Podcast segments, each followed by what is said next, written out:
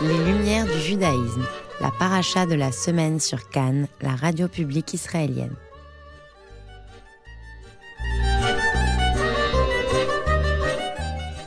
Bonsoir à tous, Emmanuel Ada au micro avec vous ce soir pour parler de la paracha de la semaine. Alors la paracha Toldot, euh, Gabriel Abensour, le chercheur, philosophe que maintenant vous connaissez bien sur les ondes de Cannes, euh, est avec nous justement pour euh, en faire le commentaire. Bonsoir Gabriel. Bonsoir. Alors, Gabriel, la paracha Toldot, on remarque dans cette paracha la naissance chez Yitzhak et Rivka, deux grandes sadikim, la naissance de deux enfants qui deviendront pourtant ennemis. Euh, les stratagèmes également d'une mère pour voler la bénédiction du patriarche au profit de son fils préféré, et puis une embrouille mensongère puisque Yitzhak présentera sa femme comme sa sœur auprès des Philistins pour échapper à leur violence. Violence qui restera malgré tout le maître mot de la relation entre entre les deux frères ennemis, Esav et Yaakov, enterrés tous deux à Hebron, mais pas au même endroit, et à noter que pour Esav, seule sa tête a mérité un caveau. C'est une paracha étonnante, n'est-ce pas, pour commencer la lignée des Avot et des Imaot, non? Alors tout à fait, d'autant que c'est le second couple de, patriarches euh, qu'on rencontre, après celui d'Abraham et Sarah, il y a celui de Yitzhak et Rivka, et dans les parachutes qui suivent, on verra celui de Yaakov et de Rachel. Alors, ce qui est intéressant lorsqu'on lorsqu'on regarde ce couple, c'est justement qu'il connote par rapport au couple des patriarches. À savoir, on a l'impression qu'il y avait que la Torah nous présentait plusieurs modèles de couple. On avait Abraham et Sarah qu'on peut appeler euh, le couple ami, le couple complice. On aura plus tard Yaakov et Rachel, euh, où c'est l'histoire d'amour, c'est le coup de foudre. dès que Yaakov voit Rachel, la Torah musique tombe amoureux d'elle, euh, ce qui est une chose exceptionnelle.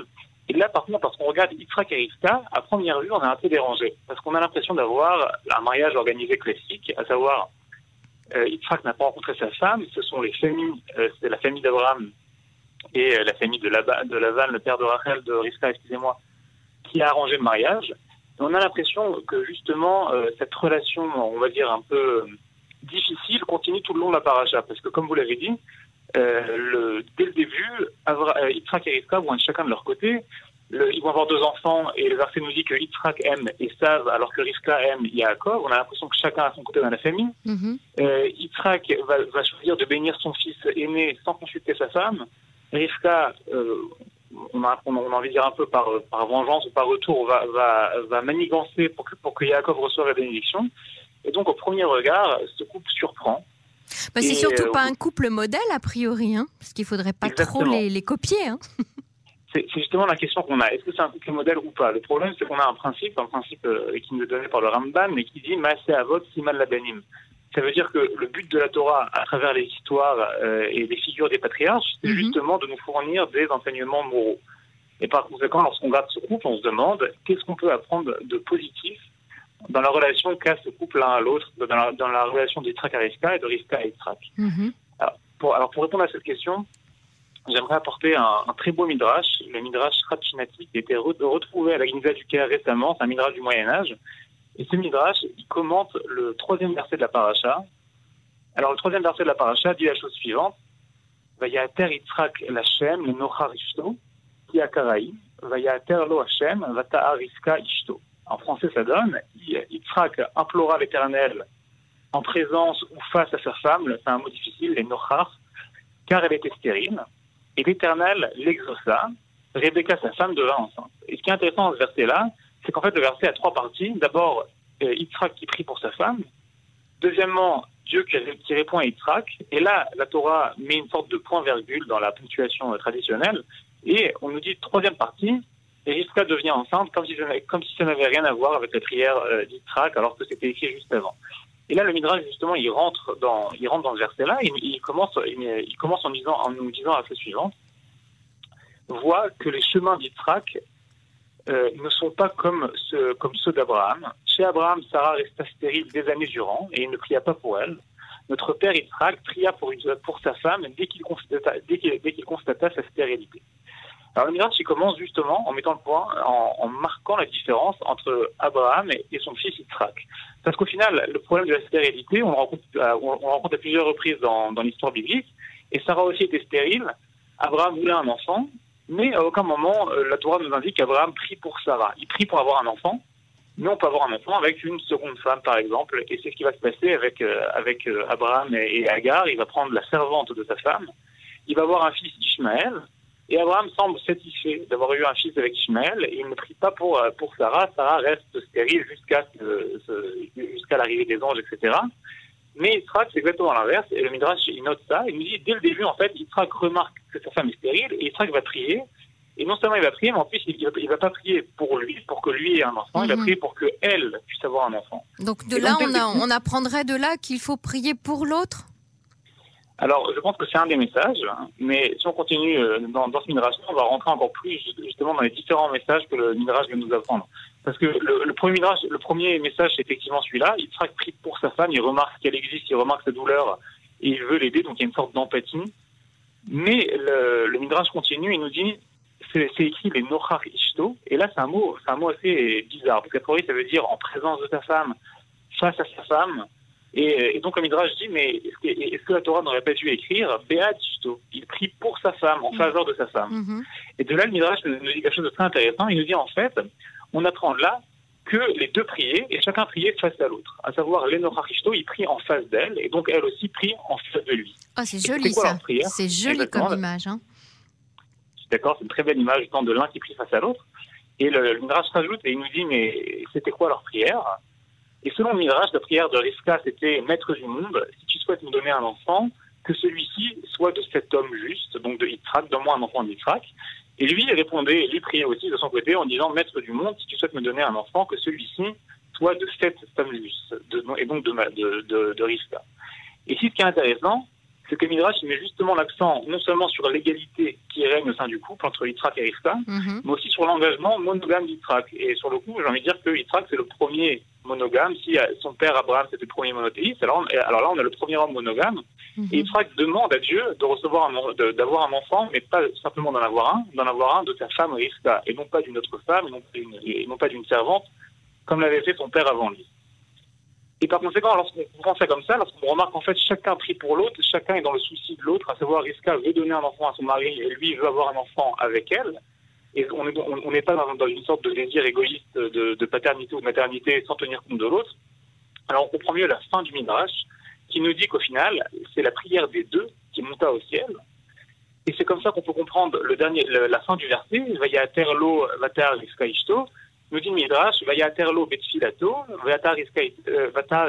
betfilata. Autrement dit, nous dit Midrash, en fait, chacun, euh, Dieu entendit la, prière de chacun, et c'est pour ça que la prière s'exauça, et que Yitzhak eut un fils de Rivka, et Rivka eut un enfant d'Yitzhak, et non pas euh, Yitzhak, un enfant d'une autre femme, etc., comme on l'a vu dans les autres parachutes. Mais là, vous me tendez une perche là pour vous poser une question, quand même. Ah oui, allez-y. Ben, on a l'impression que donc les deux prient pour avoir un enfant euh, de l'autre. Effectivement, elle tombe enceinte, donc les, les, prières sont exaucées. Et elle attend des jumeaux, comme si cette double prière avait donné euh, le fruit à, à deux embryons. Euh, mais ces deux enfants-là vont être ennemis. Alors c'est juste, on peut même rajouter au passage que, que, chaque parent va avoir une préférence pour un des enfants. En plus. nous dire que, voilà, donc on a l'impression que chacun, chacun dit le sien. Oui. Alors je, je suis d'accord, c'est vrai que ce serait intéressant de parler aussi des migrations sur, sur Esav et, et Yaakov qui ont, qui ont un rapport assez ambivalent au final, parce que on sait que dans la tradition juive, Esav est vu comme l'ennemi absolu de, du peuple juif. D'un autre côté, dans les textes, Esav est aussi présenté positivement. On, nous présente Esav comme quelqu'un qui respecte énormément ses parents. Mm-hmm. On nous présente euh, comme quelqu'un au final euh, qui va être trompé par son frère Yaakov et qui va maîtriser euh, sa rage. on, lui a quand même volé sa bénédiction, son héritage, etc. Mm-hmm. Par conséquent, je, pense que cette, cette, dualité chez les enfants est, est assez intéressante et c'est sûr qu'elle continue quelque chose de négatif qu'il y avait peut-être chez les parents. Mais j'aimerais ici quand même défendre Isaac et euh, pour, euh, euh, pour, cette Torah. Et j'aimerais quand même dire que, à, mes yeux, ce qu'on peut apprendre du couple d'Isaac et alors c'est pas un couple parfait, aucun couple n'est parfait. Chaque couple a ses avantages, chaque modèle proposé par la Torah a son avantage et ses inconvénients. Mais ici, je trouve que la beauté du couple d'Isaac et c'est justement parce que c'est le premier couple en fait monogame de, au, sein des patriarches. Et c'est pas juste un couple qui, euh, qui vit euh, uniquement avec, euh, un seul conjoint, mais c'est, surtout un couple qui, a une sorte d'égalité profonde, chacun prie pour l'autre, une sorte de souci profond, et aussi un engagement et un respect mutuel qui s'exprime justement à travers cette prière que décrit Midrash. Et ça, à mes yeux, c'est, l'aspect positif qu'on peut prendre du, couple de Yitzhak et Rista, Après, je suis d'accord avec vous sur le fait qu'au niveau de l'éducation des enfants et du manque de communication entre les deux, c'est pas sûr que ce soit le modèle qu'on préfère, mais ça sera peut-être pour une prochaine, une autre paracha. Alors monogame, effectivement, mais ce n'est pas, euh, euh, c'est-à-dire que les couples après eux ne sont pas tous monogames. Ils n'ont pas ouvert la porte à la monogamie euh, exclusive. Complètement, c'est juste. Ceci étant dit, il faut quand même noter que pour euh, Yaakov, ça va être un peu plus compliqué, parce que Yaakov, dès le début, est, est, intéressé uniquement par une femme. C'est-à-dire qu'il ne veut se marier qu'avec Rachel, il, ne veut aucune autre femme, et à aucun moment il ne demande une autre femme. Après, on connaît l'histoire, il va se faire tromper la première fois par euh, son beau-père, il va épouser Léa par erreur, et par respect pour sa sœur, pour sa femme. Et pour Léa, il va refuser de la divorcer. Chacune des femmes va demander ce qu'il prenne sa servante, etc. Au final, il va se retrouver avec quatre femmes. Mais malgré tout, je pense qu'à travers les et Resta, on, on, nous lance, si on nous lance, on va dire pour la première fois, les, on va dire les prémices de la monogamie, parce que euh, Abraham et Sarah c'était les premiers monothéistes, mais c'est pas pour autant que tous leurs enfants ont été monothéistes, puisque Ishmael, ne l'a pas été, etc. Voilà, c'est ça. Il y, a le symbole. Après, le symbole n'est pas forcément transmis euh, à la génération qui suit, mais en tout cas, je pense qu'ici le, le Midrash met vraiment l'accent sur cette monogamie et sur ce côté on veut vivre l'un avec l'autre quoi qu'il arrive, et seulement l'un avec l'autre. Alors il y a aussi un petit élément très intéressant, il me semble, dans cette paracha. J'aimerais beaucoup qu'on en parle tous les deux. Mhm. Peut-être que c'est symbolique, je ne sais pas. Vous avez certainement une explication. C'est l'histoire des puits. Qu'est-ce que ça représente les puits dans, dans le judaïsme? Est-ce que c'est un symbole? Est-ce que cela a une signification plus ésotérique? Mais une paracha qui parle des puits, a, priori, le, symbole qui frappe, a priori, lorsqu'on pense au puits, c'est celui de la Torah, vous dit En et la Torah. Et donc, cette recherche, on, creuse un peu comme vous savez, comme l'étude, on creuse pour trouver de l'eau, on, creuse pour, euh, euh, l'eau qui représente à la fois euh, la fertilité, le, le, renouveau, etc., etc.